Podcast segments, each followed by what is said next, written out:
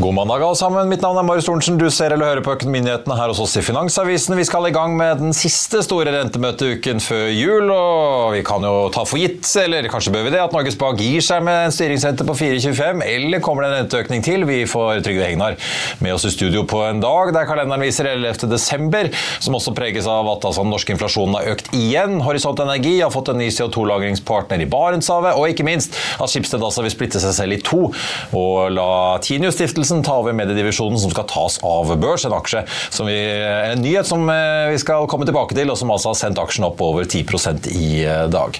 Hovedveksten har to ganger i dag eh, prøvd seg på en oppgang på rundt 0,3 før den falt tilbake. Nå ligger vi igjen på 0,25, men vi har vært nedom en drøy 0,1% så vi får se hvor det ender utover dagen. Vi endte jo fredagen opp en halv prosent, og sikret dermed en ukes utvikling samlet sett da, på ned 0,8. Det så jo ut til at vi kunne falle over prosenten litt tidligere på fredag formiddag. Oljeprisen eh, er ned igjen til 75 dollar og 75 cent nå i spotmarkedet. Vi var over 76 dollar tidligere i dag, så det kan jo virke som det lille rekylet vi fikk på fredag i kjølvannet av de mange dagene med prisfallet til OPEC-møtet, var kortlevd. Rundt oss i Europa i dag, litt blandet på de store børsene. Futuresene på Wall Street peker nedover etter oppgangen vi så der på fredag. I Asia var det stort sett eh, ned tidligere i dag pga. svake inflasjonstall fra Kina, med unntak av Japan, som steg mye etter da to dager med ganske stor nedgang da på tampen av forrige uke.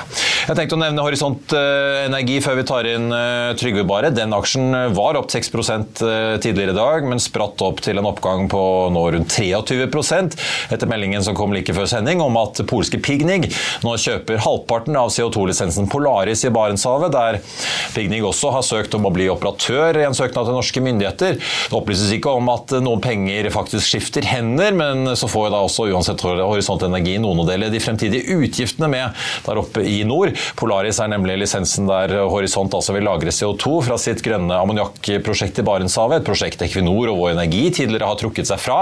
For øvrig verdt å merke seg at Pignig satser i Norge for tiden.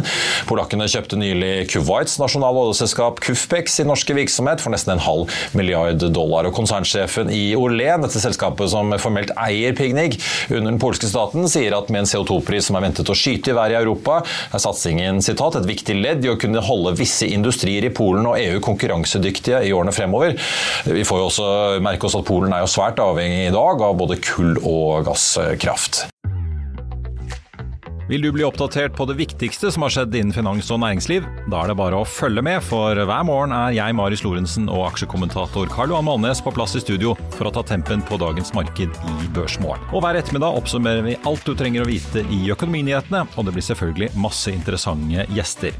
Klikk deg inn på fa.no-tv, eller søk opp Børsmorgen og Økonominyhetene der du hører på podkast.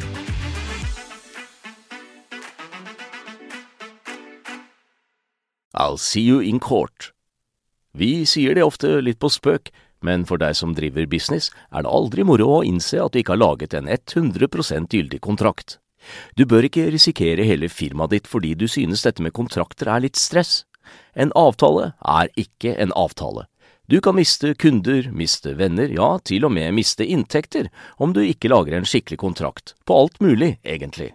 Men vi vet det er et styr kopimaskiner, tregprinter og haugevis av papir. Dessuten stoler vi jo på folk her i landet. Det er ofte litt kleint å skulle be om en signatur for alt mulig, ja, for mye av styret handler også om jakten på underskriften. Det finnes en enkel måte å løse dette på, Dukkobit, en trygg, effektiv og get this, gratis måte å sikre seg en god natts søvn pluss en juridisk bindende avtale. Dukkobit-appen har de strengeste sikkerhetskrav i bunn, samt en EU-godkjent og sertifisert teknologi. Framover vil det bli behagelig å spørre du, skal vi skrive under på det, eller? Kom i gang på dukkobit.no. Da skal jeg si eh, velkommen og god mandag til eh, Trygve Egnar. Trygve, jeg vet ikke om du har lånt ut noen penger til NSM i det siste med god rente, sånn som Jo Fredriksen, men det, uansett? Det er jeg ikke. Nei. Det er jo godt gjort å få låne penger til denne renten, da. Ja, Med statlig eier og 10% rente. Det er god butikk. Fredriksen er veldig god, vet du. Kanskje litt for god, vi får uh, se. Men ja. uh, fra spøk til alvor, en stor rentemøteuke. Men skal vi begynne med Skipsted, som stiger nesten 15, 15 Det er Hyggelig for Kristin Skogen Lund, det. Ja, og det er en ganske interessant uh, transaksjon. fordi at altså, Skipsted kontrolleres i realiteten av stiftelsen Tinius, som går tilbake til Tinius, som eide selskapet i tiden. Nagel Eriksen. ja. Nagel Eriksen, og han, han lagde en god konstruksjon hvor liksom hans makt makt ville bare evig også hans død, omtrent, for å sette litt på spissen. Og så er Skipsfjord blitt et stort, godt selskap, og så har man da funnet ut da, innen Skipsted nå, da, sammen med stiftelsen, at uh, aviser, altså, papiraviser kanskje ikke har den samme store marginveksten fremover. Og at det kanskje ikke er like, like lukrativt som uh, så, såkalte rubrikkannonser på nettet, som de har i Finn. Kanskje har man funnet ut det, eller man har funnet ut det, og så tenker man da, da skiller man da ut av papiravisen i et eget selskap, som skal eies helt av stiftelsen Tinius, og, og så kjøper da Tinius dette er for 6 milliarder kroner. Stiftelsen tar 6 milliarder kroner og gir da til Skipsted. og Skipsted blir altså 6 milliarder verdt i det øyeblikket det blir solgt. Er det solgt for 6 milliarder, så er verdien 6 milliarder. Og så har Skipsted økt noe mer enn det. da, for man tenker seg at liksom, Hvis papiravisen er ute da, i et eget selskap kontrollert 100% av stiftelsen Tinius, så vil det bli andre multiple og andre marginer på da Skipsted resten av selskapet. og Det gjør verdien enda større enn de 6 milliardene man da fikk for avisene. Ja. Og det er, det er, en ganske god uh, slutning og det er en ganske god uh, konstruksjon. Så den tror jeg er bra. Den liker aksjonærene selvfølgelig. Det er derfor er kursen også opp 15 i dag. Men så, Hvis du skal ta mediedelen uh, først. da, Jeg hørte Kjersti Stavrum Løkken, som jo er i Tinius-stiftelsen, var ute i NRK i dag og snakket om at de trenger å gjøre store investeringer innenfor AI, bl.a. i mediedivisjonen fremover. Hva tenker du om at det er en av norske, Norges største mediehus da på en måte blir tatt privat og inn under vingene til denne stiftelsen 100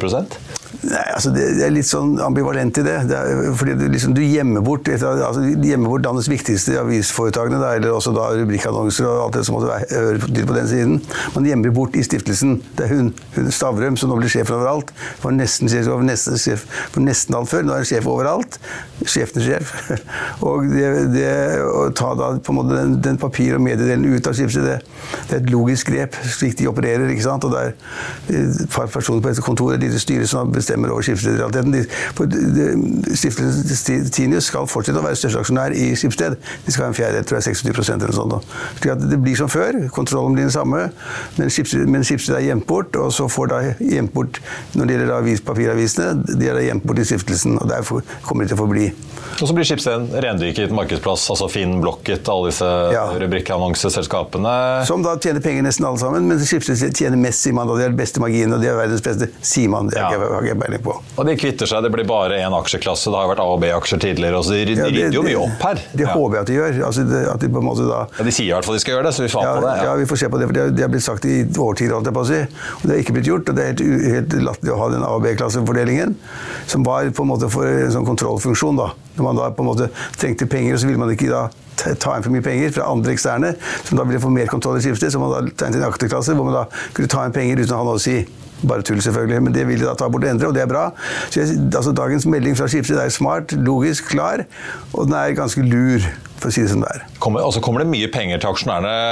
Det slo meg, og De har jo fått ny finansdirektør på Kristian Mørland som kom fra Telia, hvor de jo har solgt unna mye og delt ut penger til aksjonærene i de siste par årene. I Skipsted, ja. Men nå kom han inn i Skipsted, og nå har de jo solgt unna Adevinta-aksjer. Det er vel en rundt 25 milliarder som, som, kommer inn i cash. Ja. Så, så, Det virker som det meste skal deles ut. Og alle disse drøye 6 milliardene sier de de skal dele ut til aksjonærene i en eller annen form. form. Det begynner å bli ganske mye som da drysser ja, da, ut på aksjonærene i Skipsted nå? Vi får håpe det. Aksjonærene er de som skal tjene på det. Men altså, den største aksjonæren er stiftelsen. Ja. De får enda mer penger. De får penger tilbake igjen. på en måte da. Først så, de, først så betaler de 6 milliarder, og så får de masse penger, og så betaler de tilbake igjen. i form av... Penger inn vinter, så kan de bruke ut på å kjøpe ut mediedivisjon. ja, jeg syns de er gode. Jeg syns uh, Lund, uh, konsernsjefen, er ganske god. Finner på smarte ting. Både ved salg av salg det ene stedet og det andre stedet. Men jeg tror de syns de er ganske gode. Og markedet er de som bestemmer. Markedet sier kursen er opp 15 ja. og En hyggelig nyhet etter at Schibsted har hatt et veldig fall fra toppen høsten ja. 2021. Ja. Langt, langt ned, og nå får seg et litt løft igjen. Skal vi snakke litt om, om rentemøtene som kommer, og disse inflasjonstallene? Vi får jo nesten ta det. da, Opp en halv prosent i oktober på KPI-en. Vi endte da på 4,8% på årsbasis. På den norske inflasjonen var ventet 4,5, opp fra 4 blank i oktober.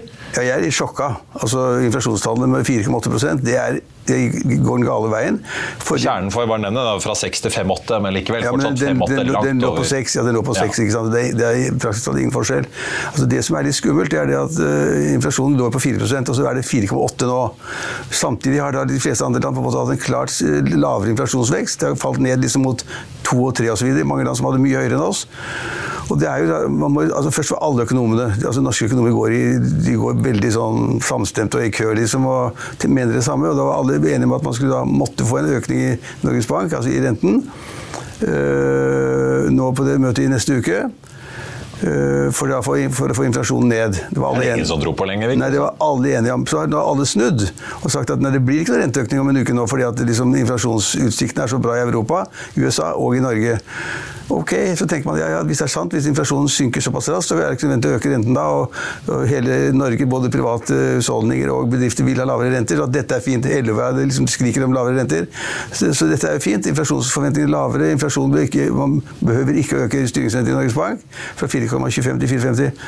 Men, altså det er fint å si, men hvis når, da, når det da viser seg at prisveksten er på 4,8, hvordan håndterer man det? Skal Norges Bank liksom overse det faktum og si at ok, det kommer til å bli en lavere prisvekst fremover uansett, så vi øker ikke renten? Eller skal man si at det er fokker også, det der var mye sterkere prisvekst enn forventet, eller var markedet forventet, og da tar vi med den, pris, tar vi med den renteøkningen i neste uke allikevel? Hva, vil, hva mener du?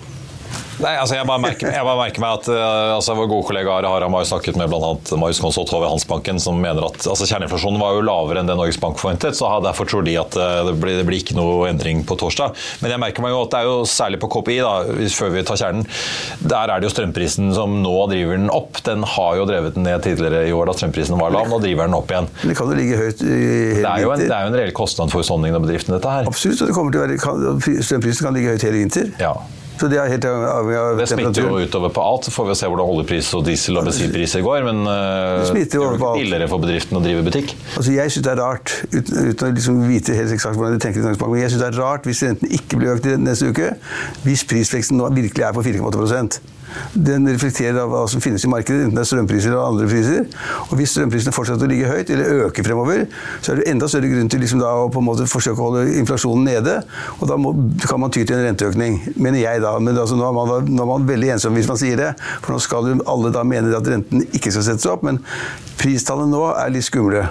Jeg, synes jo, ja, altså, jeg, jeg har ikke sett at SSB har endret praksis. Hvis man legger til grunn at de opererer som i fjor, så baker de jo med strømstøtten her. Det betyr jo at uten strømstøtten så hadde jo steget mye mer enn Ja, det er 4 riktig- 4,8. Ja, det er riktig. Hvis, det, hvis de følger samme resonnement som du nå sier, så, så hadde da prisveksten vært mye høyere. Ja, jeg har ikke sett at de endret praksis, så hvis vi legger det til grunn at det er samme som før, så burde vi vært langt over 4,8 Ja, ja, uten strømstøtten. Ja, ja, og strømstøtten er jo 90% av prisen over 70 øre per kWt. Uh, og det er en veldig heldig for forbrukerne. Jeg så på regningen min forleden. Der så, der så jeg faktisk Går an noen hundrelapper. Det hjelper jo. Men ja. ja, men det er, det er ganske gunstig, altså, det er både romslig og gunstig sak fra statens side overfor husholdningene. Ja.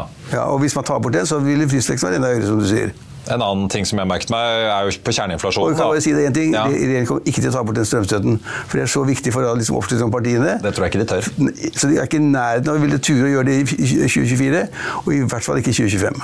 Nei, altså, jeg tipper jo, jeg mistenker at det er en ordning som kommer til å overleve lenge. Fordi at eh, hvem tør Ja, Det blir det er- som oljeleting i Lofoten. Hvem tør å ta tak i det? Ja. Det er en ulogisk form å støtte det forbruket, men det er også på en måte forståelig. Men øh, det andre jeg tenkte før vi går videre altså Jeg tenkte på kjerneinflasjon nå. Det jeg merket meg som SSB skrev, øh, var for da tar man jo bort energipriser og avgiftsendringer, men de peker jo på at øh, nedgangen der, da, fra 6 til 5-8, er drevet av sakskampanjer. Lavere flybilletter, en del sånn salg på elektronikk og møbler. Vi vet jo at øh, XXL Elkjøp, en del av disse store aktørene, sliter tungt. Uh, flyprisen tydeligvis også kommet litt grann ned.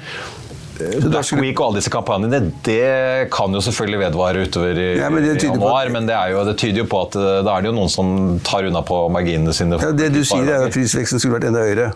Ja. Ja. Ja, da skal man da øke renten neste uke i Norge? Med, med, med en prisvekst på rundt 4-5 det, det I er hvert fall det er en midlertidig effekt, da. Ja, men 4-5% prisvekst, da skal du øke renten for å få det ned. Et sted må man liksom begynne, å- begynne å ta det. Vi får se hva Ida Wolden Bakke gjør på uh, torsdag. Vi kan bare si at Alle de som uttaler seg til Finansavisen, ni av ti, sier at liksom, det er ikke nødvendig med renteøkning neste uke. Det er vel de vi, å si det motsatte, kanskje? Vi da. tror kanskje at det er motsatt. Ja, vi får se. Men uh, apropos, uh, amerikanerne kommer jo med informasjonstall de og er rentemøtet der. Det er ventet at inflasjonen på KPI-nivå skal falle fra 3,2 til 3,1 med en kjerne på 4, så de ligger jo godt under oss. Ja. Foreløpig, da, hva tror du Fed gjør? da? Mange kommer til å følge med på det?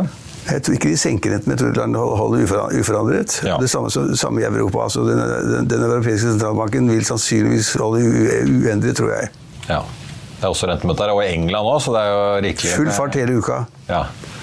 Vil du ha en nyhet, skikkelig nyhet Fra redaktørens bord? Ja, ja, vi tar det gjerne. Ja, nei, før vi går fra makro til liksom det morsomme. Det er jo den meldingen som vi i Finansavisen har nå, om at Johan H. Andresen lurer på om han skal reise til Sverige istedenfor å reise til Sveits. Ja, han, sier, til Affærsverden at han har halvt Affærsverden Færsverden har han hatt et intervju med han der, og det fikk jeg, fikk jeg i går fra en bekjent som sendte meg det og sa at dette er en sensasjon. Det er en sensasjon.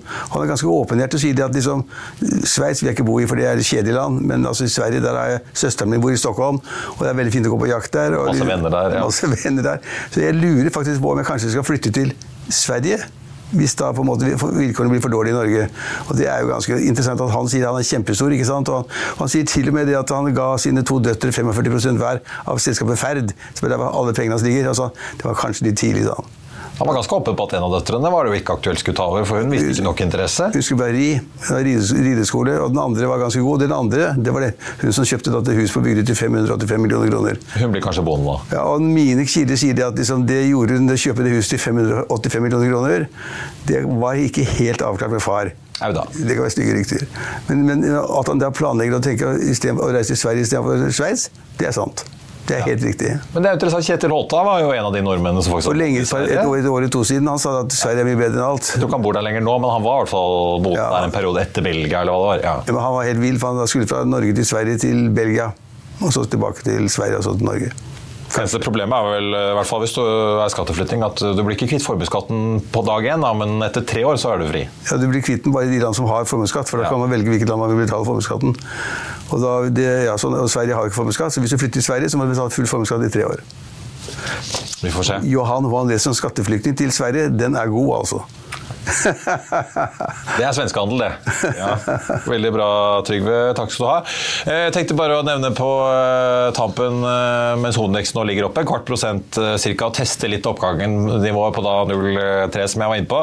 Så har vi da horisont opp fortsatt 23,7% etter nyheten om at altså polakkene kjøper seg inn halvparten av denne CO2-lagringslisensen i Barentshavet. Elkem, som både opplevde en brann som stengte produksjonen på silisiumanlegget i Salten søndag, og som i morges har meldt om en avtale med reinbeitedistriktet ved Tana med en utvidelse av kvartsittgruven der oppe. De ligger ned en 1,4% i dag. Borregaard, som har kommet med et resultatvarsel i dag, får vi si. De eh, sliter jo med vanillinetterspørselen og også driftsproblemer. Den aksjen har vært mye ned, ligger fortsatt ned 7,7 selv om den har hentet seg inn fra det aller verste tidligere i dag.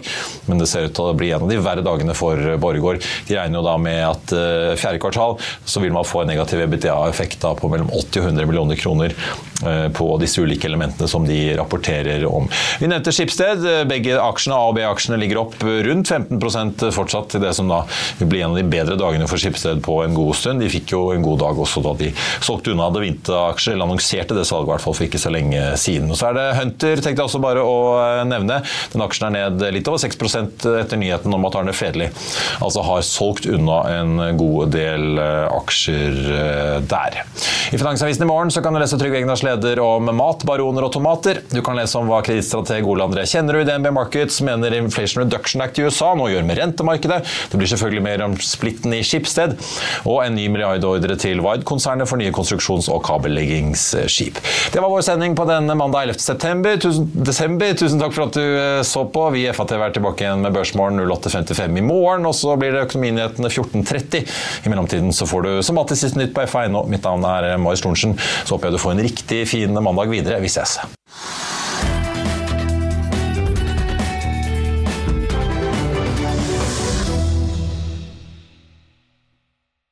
Økonominyhetene er en podkast fra Finansavisen. Programledere er Marius Lorentzen, Stein Ove Haugen og Benedikte Storm Bamvik. Produsenter er Lars Brenden Skram og Bashar Johar. Og ansvarlig redaktør er Trygve Hegnar.